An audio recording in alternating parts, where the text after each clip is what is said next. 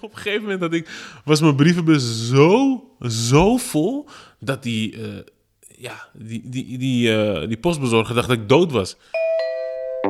Hey Edson. Wat fijn dat je er bent. Ja, leuk om het te zijn. Oh, je hebt een hondje. Oké. Moos. Hey Moos. Dit is de hond, ik ben Harmen. Hi Harmen, alles goed? Niet bang voor honden? Nee, nee, nee. Ik eh, presenteer een eh, kinderprogramma met allemaal honden. Dus Dat weet ik trouwens, baasje gezocht. nieuwe baasjes. Ja, klopt. Bijna goed. Nieuwe baasjes. Eh,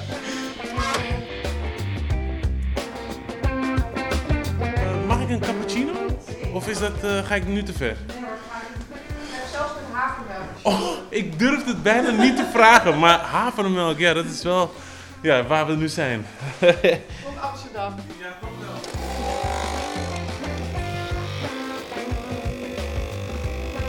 Kijk hem eens. Jeetje, Moos. Laag, laag, laag, Moos, laag. Goeie Moos. Dat is een goede Moos. Hé, hey, maar Moos, als je ooit nog een nieuw baasje zoekt...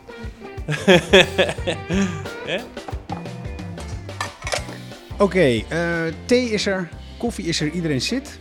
Dan kan ik mijn, eh, mijn intro doen. Dit is Rood in Wassenaar. Een podcast naar aanleiding van het boek Rood in Wassenaar. Geschreven door Marjolein Moorman, mijn vrouw. Wethouder en partijleider van de PvdA hier in Amsterdam. En Edson da Graça zit hier aan tafel. En hij heeft de serie Uit het Rood.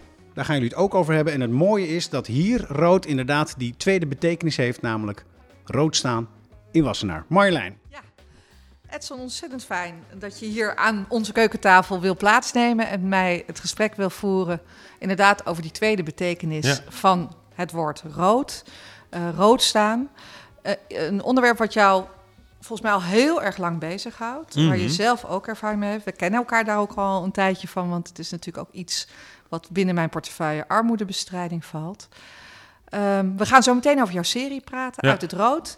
Maar eerst wil ik heel graag horen eh, jouw eigen achtergrond, wat jij zelf hebt ervaren. En laten we gewoon beginnen bij het begin. Ja, Jij bent opgegroeid, opgegroeid in Amsterdam-Noord. ja.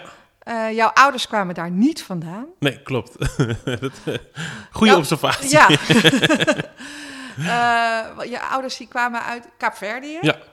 En jouw vader die kwam hier per schip, want was een zeeman. Ja, klopt. Dat is ja, een klopt. mooi verhaal. Ja, mijn vader die was matroos en die, ja, die, die oh, ja, bijna heel veel Capverdiaanse mannen in die tijd waren zeelieden. Eh, want ja, eilanden.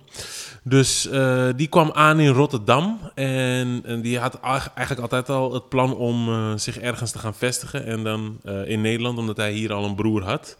En hij had nog een broer op Capverdië zelf, maar die heeft hij ook meegenomen als verstekeling op, op In het boot. ruim. Ja, in het ruim. Echt waar? Ja, die sliep tussen de ratten en ja, ja, goed. Die, die, die maakte allemaal wel wat dingen mee daar in het ruim.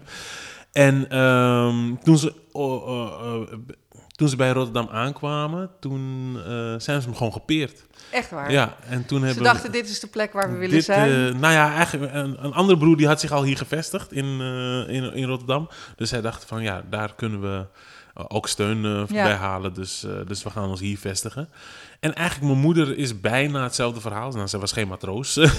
Want zij, zij kenden elkaar niet uit, in Kaapverdië. nee, nee, nee, nee, totaal niet. En ehm, toen kwamen ze, eh, mijn moeder kwam in Nederland doordat een van haar broers zich hier had gevestigd. Eerst in Portugal en toen in, eh, in Amsterdam. En eh, die heeft gewoon gespaard om mijn moeder hier naartoe te halen. En toen mijn moeder hier was, hebben zij weer gespaard om een andere broer van, van hen hier naartoe te halen. En zo on en zo on. Want ze hadden volgens mij iets van 13 eh, broers en zussen. En die moesten allemaal een beter leven hebben in het Westen, eh, hier in, in, ieder geval. Dus eh, ja, dus dat is wel, wel grappig dat ze dat allemaal... Soms denk ik ook van, wow, wat jullie allemaal hebben opgeofferd. Zodat jij hier nu Ja, een soort van beter leven kan... aan de eh, keukentafel ja, dus dat. Ja. Dat is wel echt next level. Dat je, Ja. dat je naar een land toe gaat waar je de taal niet spreekt, 0 Ja. euro hebt. En dat je er toch wat van weet te maken. Dat vind ik wel echt, eh, vind ik wel echt heel vet. Ja. Want jij bent, want je vader kwam aan in Rotterdam. Mhm. Je ouders hebben elkaar op een gegeven moment ontmoet. Ja. Ja, op een feestje hebben ze elkaar ontmoet. En eh, ja, ik, ik ben altijd opge- opgegroeid tot mijn vierde of zo met een broer. En eh, daarna kwamen er nog twee broers bij en een zus. En die waren al redelijk, eh, die waren, die, dat waren gewoon pubers. Waar kwamen die vandaan? Eh, mijn twee broers kwamen van Capverdië. Die oh, had, dat waren kinderen ja, van, jouw vader. Van mijn vader. En mijn zus die woonde in Dakar met mijn tante. Dus de, de zus van mijn vader. En die kwam op een gegeven moment ook naar Nederland. Dus toen waren we opeens met z'n met z'n vijven. Samengesteld gezin. Ja. In de Vogelbuurt mhm. in Noord. Ja. Ja, Vogelbuurt in Noord. eh, ja, ik moet zeggen, ja, ik, ik, ik heb echt hele leuke herinneringen aan de Vogelbuurt. Ik zat daar op de kinderboom. Ja, het was een wijk, ja, er werd wel veel gevochten. En dat was ook af en toe raar, weet je. Want als, als, als, als je dan zeg maar had gevochten, dan kwam af en toe wel eens een, een grotere broer. Die kwam jou dan een paar tikken geven. En, als je, en mocht je die grotere broer ook nog kunnen verslaan, dan kwam soms zelfs een vader naar buiten van, met een slot of een kettingslot. Zo. Maar in mijn tijd, ja, ik, Dat, was, dat was gewoon normaal. ja, dat ik was vond het gewoon normaal, Ja. want ja, dat is gewoon hoe het ging. Dat, wa- dat waren de mechanics van die buurt. Ja. En wist ik veel dat daar buiten nog een hele grote wereld was van andere dingen. Dus ik heb eigenlijk mijn jeugd nooit ervaren als zeg maar dat we extreem arm waren of wat dan ook. Maar later, als je wat, als je wat groter wordt, vooral toen ik naar Damstede ging, dat is een middelbare school. Ik ging HAVO doen, HAVO-VWO. Wel vlakbij. Die... Wel vlakbij, ja. Ja. Ja, ja, Waddenweg volgens mij. Ja. Ehm, maar daar zaten, ja, ik deed HAVO-VWO en dat was echt een strictly HAVO-VWO school. En ik zat daar... en jouw, de kinderen uit jouw klas die gingen ook daar naar die school? Nee, nee, nee, nee, nee. Ik was een van de weinigen, samen met Abdul Hak en eh, Sana. Sana, ja, ja, ja. Wij gingen met z'n drieën naar Damstede. En ik weet nog Want dat we jullie daar... hadden een ander schooladvies gekregen dan de Ja, wij gingen. HAVO-VWO doen. Velen velen gingen MAVO doen, Ja. volgens mij. Maar wij waren dan, zeg maar, wow, wow, zeg maar. HAVO-VWO doen. The chosen ones. Terwijl ik dacht, ja. Dus jullie gingen naar Damstede. Wat, Ja. wat dus een andere omgeving was die je gewend was. ja, dat kan je wel zeggen, ja. Kijk, in de Vogelbuurt eh, had ik gewoon veel te maken met eh, Marokkaanse eh, medemensen, Turkse medemensen, een handjevol Surinaamse en de Nederlandse mensen die daar woonden. Ja, dat was gewoon, er waren ook gewoon, eh, hey, dat is eigenlijk, een-" en dat was dan een vrouw, weet je wel, die dan zo sprak. Eh, De tokkies woonden nou, nou, nou Ja. eh, weet je, ik, Ja. dat mag je eigenlijk niet meer zeggen. Maar, eh, maar eh, nee, het waren, ja, je merkte toen, toen ik op Damstede zat, dacht ik, oh, dit zijn wel soort van andere witte mensen. Die, deze ken ik niet. Deze zijn gewoon schoon en hebben gewoon gel in hun haar. En zijn eh, uitgeslapen en eh, zitten op de grond. Dat Ja. viel me heel erg op dat ze op de grond zaten. Ik dacht van, waarom zit je op de grond? Ik, eh, ik pak gewoon een stoel. En, ehm, en ze kwamen ook van andere plekken. Dus niet uit de Vogelbuurt, maar uit andere plekken van Amsterdam. En ook sommige, vele kwamen uit Monnikendam. En dat deden ze dan fietsend. Dat ik dacht van, waarom... Kom... Ik wist niet eens waar Monnikendam lag. Ik weet niet of het eens dichtbij is. of Klonk wat dan heel ook. exotisch. Ja, het klonk echt super ver weg. Ik dacht, is dat bij Volendam? Waar, waar is dit? Dus, eh, maar zij kwamen daar fietsen naartoe. En toen kwam ik er wel achter van, oké, dit, zijn, dit zijn gewoon andere mensen. En zij keek ook naar ons zo van, dit zijn andere mensen. Maar vond je dat leuk? Ik vond het zelf wel leuk, ja. Ja. Ik dacht van... ehm, ik zag het niet bewust hoor, maar ik voelde, het voelde wel als een verrijking. Van, ik leerde ook andere... Bijvoorbeeld, we gingen een musical maken in mijn eerste jaar. Nou, zingen en dansen. Nou, ik wist niet dat ik... eh, ik, ik wist wel dat ik dat altijd tof vond, maar Ja. ik kon het nooit echt uiting geven in die wijk Het waar was ik niet woonde. iets wat je op straat in de vogelbuurt... Nee, nee, daar ging je gewoon voetballen deed, ja. of vechten. Ja. eh, de twee V's, weet je wel. Eh, en een musical hoorde dat daar niet bij. En ik weet nog dat ik... ehm, wel, wel, die musical is echt wel een kantelpunt voor mij geweest. Ik, ik speelde daar een hofnar. En ik weet nog, ik zat op voetbal op, de, op DWV, bij, of, eh, eh, eh, bij DWV. Wat was DWV? Nee, nee, want Nee, ik, ik, ik haal dingen door elkaar. Op het moment dat ik bij Damstede op school zat, woonde ik al zelfs in, in Zuidoost. Dus toen, in dat jaar dat ik naar Damstede ging, gingen wij ook verhuizen. Ah. Wat een hele rare move was van mijn ouders. Maar Ja. goed, ik dacht, ik wil bij mijn vrienden blijven, Abdul Hak en Sanna. Ja. Dus ik ga gewoon, ik doe gewoon die reis. Maar ik weet nog dat ik eh, moest voetballen. En ehm, in plaats van te trainen die week, ging ik eh, oefenen voor een musical. Dus we hadden repetities. En toen kwam ik bij voetbal, eh, die zaterdag, om te voetballen. En toen zei die trainer, Edson, waar was je nou? Waar was je nou deze hele week? Ik zeg, ja, trainer, sorry, ik, moet, ik had een musical. En toen zei die trainer tegen mij, ik was iets van 12 of zo. Je bent toch geen homo? Ik dacht, wat? Zo. Zo. Nee, ik ben geen homo, maar ik vind dansen en zingen en springen vind ik gewoon hartstikke leuk. En toen Ja. wist ik ook, daarvoor was altijd de droom, profvoetballer worden. Oh, je moet profvoetballer worden. Maar toen wist ik al van, nee, dat is niks voor mij, man. Dit is, deze, dit is niks voor mij. Ik wil Maar gewoon... voelde dat ook als een soort van gescheiden werelden? Dat je een Ja. ander iemand was op het Damstede dan dat jij... Want inmiddels Ja. verhuisd naar Zuidoost. Ja, Dan dat je daar kon zijn en bij jouw voetbalclub. absoluut, absoluut. Ik, ik, was, ik was op Damstede, eh, die gasten die op de grond zaten, dat was bijvoorbeeld... Waar ik vandaan kom, ga je niet op de grond zitten. Het is vies. Je zet ook je tas of eten zet je ook niet op de grond. Het is gewoon not done. Dat doe je gewoon niet. De grond is vies, daar kom je niet. Ja. En eh, daar was het gewoon anders. Ze waren wat vrijer in hun denken. Maar je zag ook wel dat ze... Op, op, Dam, op Damstede was de eerste keer dat ik bijvoorbeeld hoorde dat... eh, een jongen die zei gewoon van... Hé hey jongens, kinderbijslag komt eraan. En ik dacht van... Waar heeft hij het over kinderbijslag komt eraan? Ja, dat is iets wat je om de drie maanden krijgt. En ik eh, kreeg er van mijn ouders een... eh, paar honderd euro of zo, weet ik veel. Ik weet niet eens hoeveel het was. Hij kreeg dat zelf. Hij kreeg zelf die kinderbijslag van de zijn staat ouders. stortte kinderbijslag op de rekening van zijn ouders. En die ouders die zeiden, ja nou hier Jordi, ga maar, ga maar lekker doen. Dus hij kon games kopen, hij kon kleren kopen. Elke drie maanden was hij gewoon helemaal in zijn Mannetje. nopjes. Ja, en ik dacht van, ik heb hier nog nooit van gehoord. Ik weet niet eens wat het is. Dus ik ging thuis ook eh, vragen hey, eh, luister, eh what's up met de kinderbijslag? Kan ik even vangen? En toen werd al vrij duidelijk dat wij kinderbijslag gebruikten om gewoon het huishouden draaiende te houden. Ja. Ja. En hoe vond je dat? Nou, kijk, weet je, mijn moeder had twee baantjes.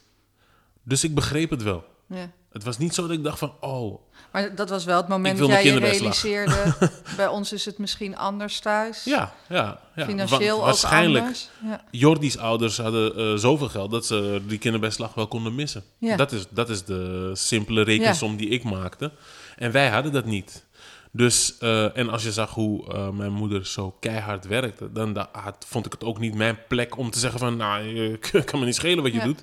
Ik wil gewoon mijn kinderbijslag. Ja. Dus- Dus, aan de ene kant, die, dat Damstede, dat verrijkte je. Want Ja. dat liet ineens een wereld zien die je zelf niet kende. Ja, Een soort klassiek verheffingsideaal. En ineens werd je geconfronteerd met cultuur. En, maar het, het, het maakte je ook armer. Want je, je besefte je ineens dat jullie thuis minder breed hadden dan elders. Absoluut, absoluut. En ehm, dat is confronterend, maar ik heb gelukkig zelf nooit, zeg maar, er super last van gehad.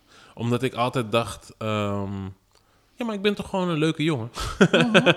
en eh, da- gelukkig dachten mijn, eh, ehm, de kids op school, dachten dat ook. Maar ik merkte bijvoorbeeld, als je niet zo vlot was als ik, dan werd je wel een beetje een soort van buitengesloten. Bijvoorbeeld Sanna werd wel een beetje buitengesloten, Ja, ja. weet je wel. Eh, en Abdelhak was mijn beste maat. Dus eh, ja, als je hem niet eh, leuk vindt, dan Ja. ga je ook niet met mij om, vriend. Maar ik me- merkte wel bijvoorbeeld zo'n Sanna, was, werd wel een beetje soort van als het de vreemde eend in de bijt gezien. Terwijl ze was, het was gewoon een hele toffe, toffe meid. Ja. Maar het was misschien ook wel een soort coping manier van jou. Om dan Oh ja, de leuke, vlotte, vrolijke jongen uit te hangen. Story of my life. Dat, Ja? is de story of my life. Ik, ik heb de gave, en het is ook een vloek tegelijkertijd, dat ik me heel goed kan in, invoelen in wat de zaal nodig heeft. Ja. En dan ga ik me daaraan je beroep. aanpassen. Ja. Ja, nou ja, ja, en het is... Aan de ene kant is het fijn om dat te kunnen. Aan de andere kant, als je jezelf daarin verliest... eh, kan het heel gevaarlijk zijn. En eh, nou ja, daar komen we misschien straks op. Maar in de tijd dat ik schulden heb gehad zelf... eh, bleef ik dat ook doen. En ja, want laten we toch dat bruggetje even Ja. maken. Hè? Want in het, hè, dus vind ik een mooie beschrijving. Je hebt dus in verschillende werelden geleefd en daardoor heb je een enorm aanpassingsvermogen Mhm. gekregen. Maar op een gegeven moment ehm, heb je zelf, en thuis was het dus al niet breed, maar je bent begonnen met werken en toen ging het financieel ook mis. Kan Ja, ik het ik- zo zeggen? Mm, Dat is misschien ja, wel nou, erg kort door de bocht. Is het heel kort door nee. nou, kijk, eh, aan het einde van mijn ah, ehm, HAVO-traject, toen ik mijn HAVO had gehaald, toen ehm, was het ook iets van, oké, ik ga nu doorstuderen. En mijn moeder, die wilde heel graag dat ik ging doorstuderen, HBO ging doen. Dus Ja, ik begon daarvoor daar... waren ze naar Nederland gekomen. Daarom, weet je, dus het ging lukken nu Ja. voor ze. En ze waren hartstikke blij dat ik dan HBO ging doen. Want dat, ja, Gewoon bij, eh, als je vraagt aan een migrant, oh, iemand gaat HBO, dan is het gewoon van, wow, oh my god, he's gonna make it. Er werden al straten op Kaapverdië naar mij vernoemd en, eh, weet je, bij wijze van spreken. Ja.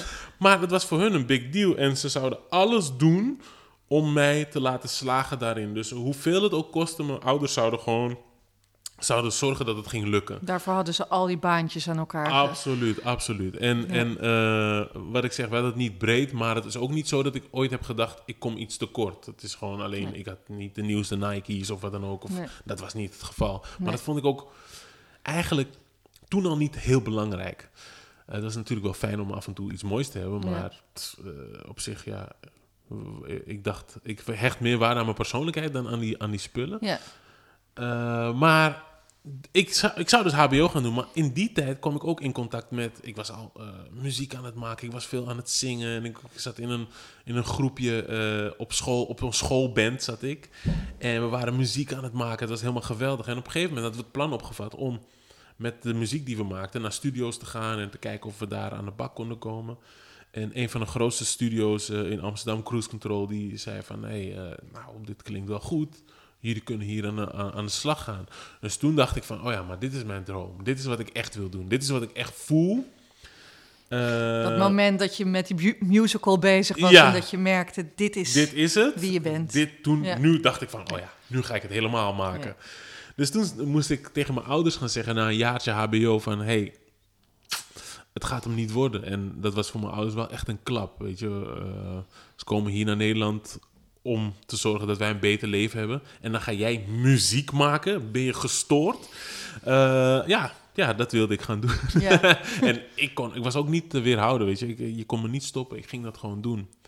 En dat ben ik dan ook gaan doen. En eh, dat ging eigenlijk best wel goed. Ik eh, gaf naast het muziek maken, gaf ik ook workshops. Omdat, ja, muziek maken is natuurlijk heel grillig. Je kan er niet altijd wat aan verdienen. Dus ik gaf ook workshops op scholen. En eh, terwijl, we, terwijl ik dat aan het doen ben, eh, hebben we op een gegeven moment een hit. eh, een hit met iemand waarvan we de naam niet meer mogen uitspreken. nee, ja, een hit met Ali Drie B. letters. Ja, Ali B, ik ben je zat. Dat werd een hit. En toen hadden we het geld om een eigen studio te beginnen. Dus gingen we bij Cruise Control weg. En iemand die bij Cruise Control werkte, die zei van... ik ga met jullie mee, zodat ik jullie zaken kan regelen. Want wij dachten, ja, wij gaan dat nooit doen. Wij, gaan, wij willen gewoon muziek maken. We zijn jong. Ja. We willen gewoon eh, lekker aankloten en laat hem maar die zaken regelen. Nou, op een gegeven moment hebben we onze eigen studio. Het gaat een jaar heel goed. We hebben afgesproken dat we een winstverdeling aan het eind van het jaar doen. Dus we komen niet aan het geld wat op de rekening staat. En eigenlijk hebben we geen eens een idee wat er allemaal op die rekening binnenkomt of wat er gebeurt. Want wij wilden alleen muziek maken. Dus we waren eigenlijk daar heel blind voor. Mhm. En aan het eind van het jaar, nou, een beetje rekenen, dachten we van... oké, we zitten op eh 80, 90.000 euro. Misschien net iets meer. Want we deden, muzie- we deden films, we deden reclames, we deden van alles.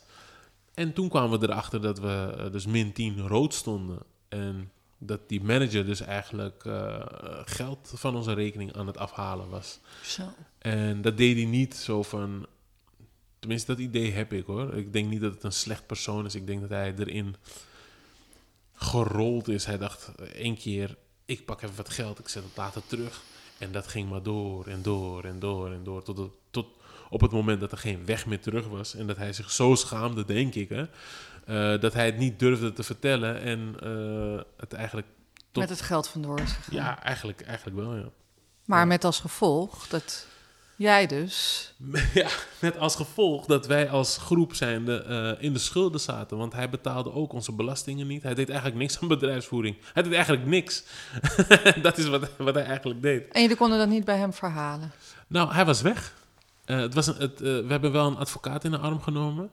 En die zei, eh, ja, het wordt een civiele zaak, dus ik weet niet, want jullie hebben hem die pas gegeven, dus hij heeft, niet hoeven, hij heeft het niet ontvreemd, jullie hebben hem gewoon gemachtigd. En toen hij dat zei en wij later zijn rekening er nog op kregen, toen dachten wij, nou, laat maar. Want waarom gaan we ons nog meer in de schulden steken? We kunnen hem De rekening van die advocaat Ja, bedoel je, die kwam er nog eens een keer bovenop. Ja, joh, we ja. kunnen hem niet eens betalen. Ja. Dan gaan we ons nog meer in de schulden steken. En we hebben al schulden, dus laat maar. Ja. En zo vielen wij als vriendengroep ook uit elkaar. Want eh, mensen werden boos, mensen vonden dat ze meer recht hadden op dit, op dat. Die gaven elkaar misschien de schuld. Van elkaar- waarom hebben jullie niet, opgelet? Precies, dus dan val je als... Ja, wij waren eh, sinds de middelbare school vrienden. Dat viel dan ook uit elkaar. En uiteindelijk, ja, zit je dan met een schuld van 30 tot 35.000 euro. En toen was jij? En toen was ik eh, begin 20. Toen was ik begin 20. Ja.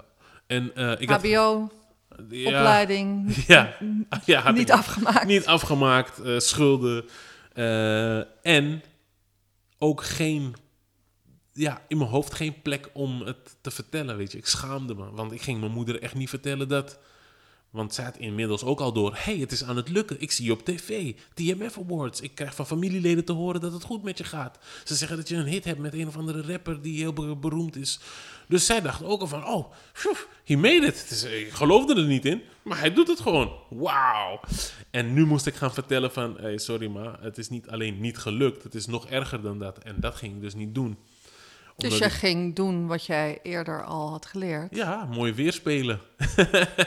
en ik ging, eh, ik ging heel lang mooi weerspelen. Ik heb eh, mijn ouders eigenlijk niet verteld totdat ik, eh, totdat ik eigenlijk een jaar of, wat was het? Totdat ik een jaar of dertig was. En Dus, toen dus dat eigenlijk- betekent dat jij iets van zeven, acht jaar ja, diep heb, in de schulden hebt gezeten zonder dat je dat Ja. deelde met je omgeving. ja, ik heb zeven, acht jaar. Ik heb in totaal ongeveer, volgens mij elf jaar, tien à elf jaar in de schulden gezeten. Waarvan inderdaad acht, acht jaar echt zonder uitzicht. En zes jaar zon- zonder hoop. En hoe deed, je- hoe deed je dat dan? Want je, je vertelde dat tegen niemand? Tegen niemand, nee. Helemaal niemand. Nee, nee, want ik was, eh, ik was Edson van de Beat Kids. Mensen hadden mij gezien op TMF Awards. Dan ga ik toch niet nu zeggen dat ik helemaal geen geld heb. Mensen zagen me op straat zeggen... Hey, die gast hij heeft eh, met mee geproduceerd. Hij is van eh, die clip en die clip. Ik zie hem in die clips. ah." Ik vond mezelf ook te groot om te zeggen van... Hé, hey, ik ga nu eh, telemarketing doen. Ging ik ook niet doen. Dus ik bleef aanmodderen met die workshops. Dus ik ging workshops doen. En zo knoopte ik eigenlijk alle eindjes een beetje aan elkaar. Ja, want zoals het gaat met schulden. Ja, het wordt meer. Ja, dat, wa- dat was in jouw geval ook zo. Absoluut. Ja, Ja? die 35.000 euro, eh, daar begonnen we mee. Maar het werd alleen maar meer. Want, Want ik ging boetes. boetes, ik schaamde me. Ik wilde, ik wilde ook niet naar de deurwaarde bellen, want ik was bang dat ik toch geen regeling kon krijgen. Want ik had zoveel schuld, dus ik belde maar niet. Dus die gingen ook boetes op boetes gooien.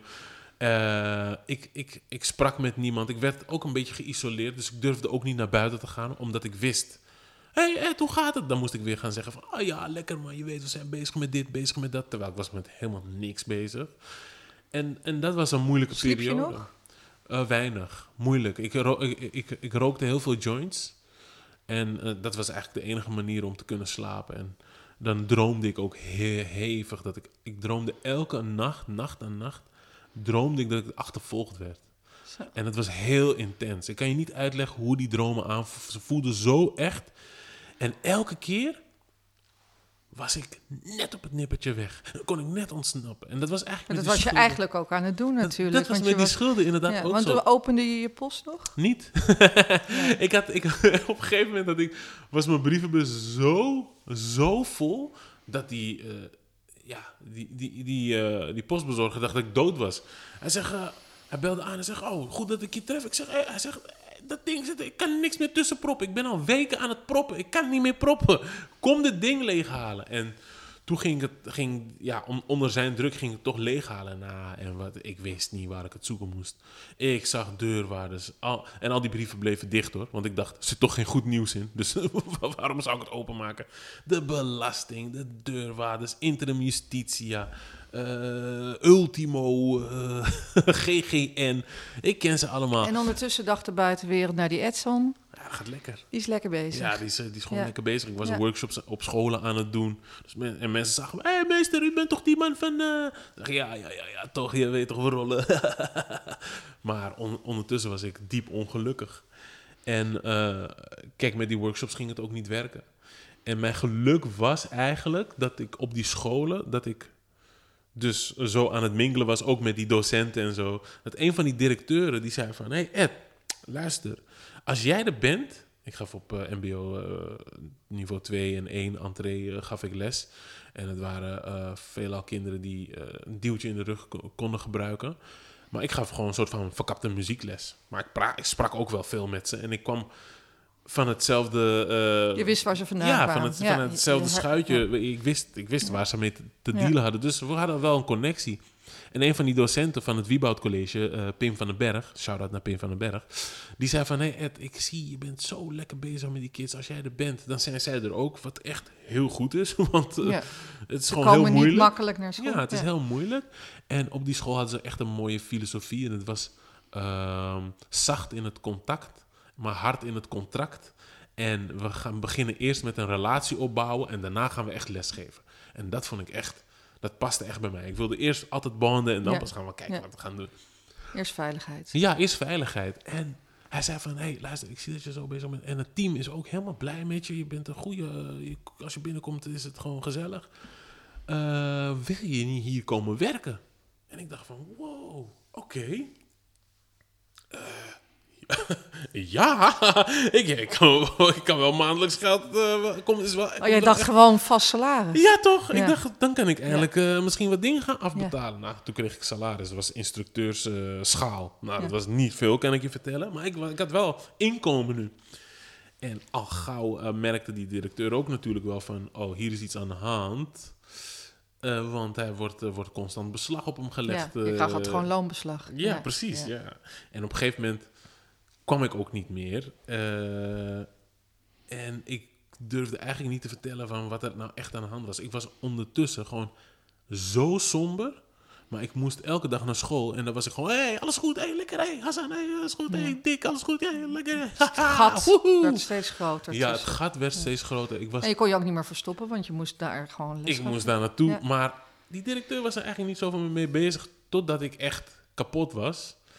En eh, een van, ik weet nog, Marjolein Sanders. Die, die, eh, die, die, die zei van... Hé, hey, luister, ik weet niet wat er met jou aan de hand is. Maar je bent hier elke dag zo vrolijk. Maar ik geloof je niet. Eh, En Marjolein Sanders was ook een zorgcoördinator op die school. En toen brak ik. En toen vertelde ik haar... eh, want Zij had gewoon in de gaten. zij had gewoon in de gaten. iets. Die gast heeft een masker op. Ik geloof er helemaal niks van. Hij is. eh, nee, ze geloofden het niet. En ik brak toen. En toen ging ik pas echt vertellen wat er allemaal echt aan de hand was. Want wat, op, wat die directeur wist, was een topje van de ijsberg. Was gewoon de belasting die beslag kwam leggen. Hij dacht, ja. Prima, zo heb ik er nog tien, waarschijnlijk tien, waarschijnlijk waren er nog tien die daar zo rondliepen. Maar zij zag echt van deze jongen, dat gaat helemaal niet goed. Ik was inmiddels ook echt de hele dag aan het blowen en toch ook nog les aan het geven. Dat, ja, wat je zegt, het gat werd gewoon echt te groot. En toen, dat, was de eerste keer in zes jaar dat ik aan iemand vertelde, echt alles vertelde, dat ik zei van, hé hey, luister, ik doe dit, dit is, wat, dit is mijn patroon, dit is wat ik doe en dit is wat er aan de hand is. Ik denk dat ik zo en zo een schuld heb, ongeveer. En, ehm, en toen zei zij iets ongelooflijks. En toen zei ze: Oh, maar schat, dat kan toch? Ik ga je helpen. Toen dacht ik: Wat? ga je me helpen? Hoe bedoel je helpen? Wat ga je helpen? Ik, ik kan mezelf niet eens helpen. Ga jij me helpen? Jij gaat me niet helpen. Jij gaat me niet helpen. Ja, Jij vond het ongelooflijk dat iemand tegen jou zei: Ik ga je helpen. het bestond in mijn hoofd niet. Dit was een schuld. Dit was een last. Die ga ik Ja. toch niet op iemand. Wie wil dit nou van mij overnemen? Het is Wie jouw wil- schuld. Ja, wie wil hier nou een stukje van dragen? Het is ondraaglijk. Ja. Hoezo wil jij een stukje van mijn Want ondraaglijkheid? jij was daar zelf dragen. schuldig aan in je ja, eigen hoofd. het, is, het Ja. is van mij, weet je. Ja. Ik, dit is waar ik mee moet dealen. En toen ze dat zei, dacht ik, wow. En dat gesprek, echt, ik krijg er nu nog steeds kippenvel. Kijk, je, je ziet het. Ja, ik zie Ik krijg er kippenvel van, omdat op dat moment, na zes jaar, ja, ging, eh, viel er iets van me af. Iets wat zo, zo zwaar was, viel voem. In één gesprek, ik heb gehuild, ik heb het verteld en iemand zei ik ga je helpen. Er ging zoveel van, ik werd echt, als ik niet, eh, eh, als er geen tafel was, was ik gaan zweven denk ik. Was ik gewoon echt letterlijk, gewoon letterlijk gaan zweven. Want die enorme last van je schouders. Zo gewoon. licht Ja, voelde dat. ja. En ik had nog geen cent betaald. Ik had alleen maar verteld over... En dat was zo lekker. Nou, mensen werden gek van mij, hè. Ik begon iedereen te vertellen. Het is gewoon... hey Edson, hoe gaat het nou? Heb je even.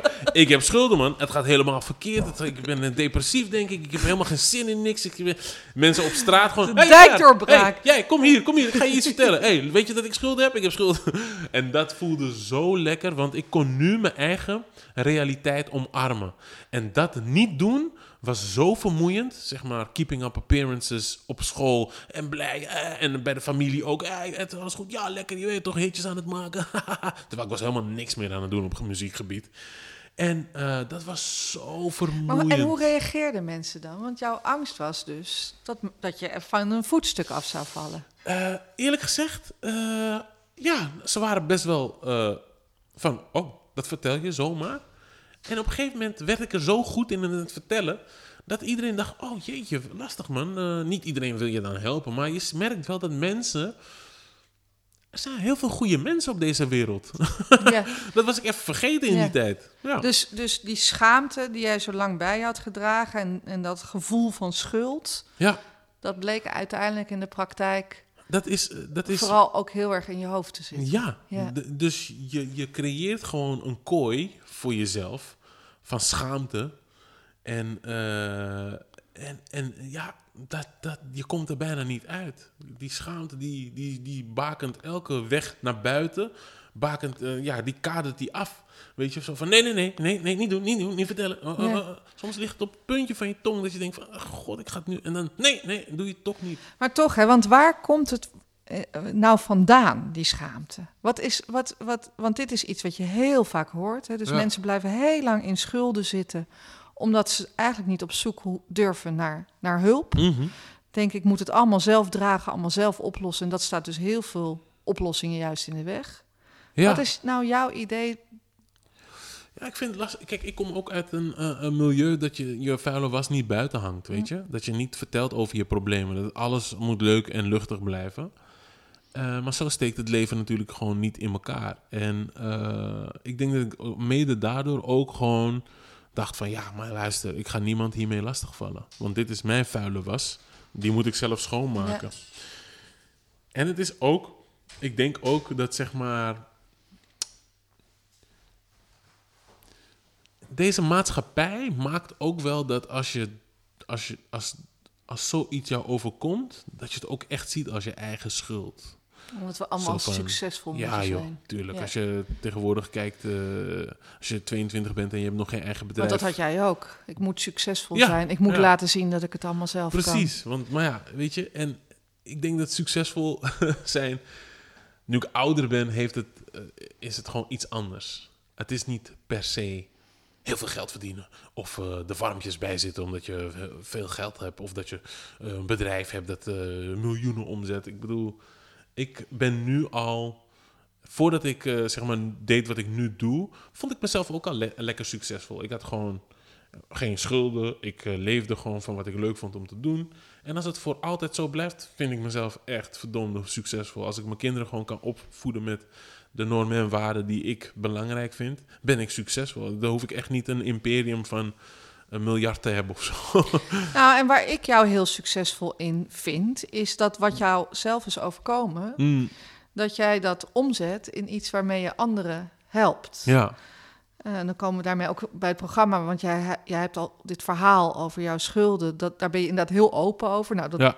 niet alleen maar omdat het therapie voor je is nee, geweest. helemaal niet zelfs. Maar, nee, maar nee. nee, vooral ook omdat je eigenlijk anderen en met name jongeren wil behoeden, Ja, die ook in zo'nzelfde eh, situatie terecht zijn gekomen. Ja, heel graag. Want eh, ik vertel dit verhaal vrij vaak. En soms denk ik ook, ja, maar het, eh, kom op, je hebt het nu al zo. Maar ik blijf het vertellen.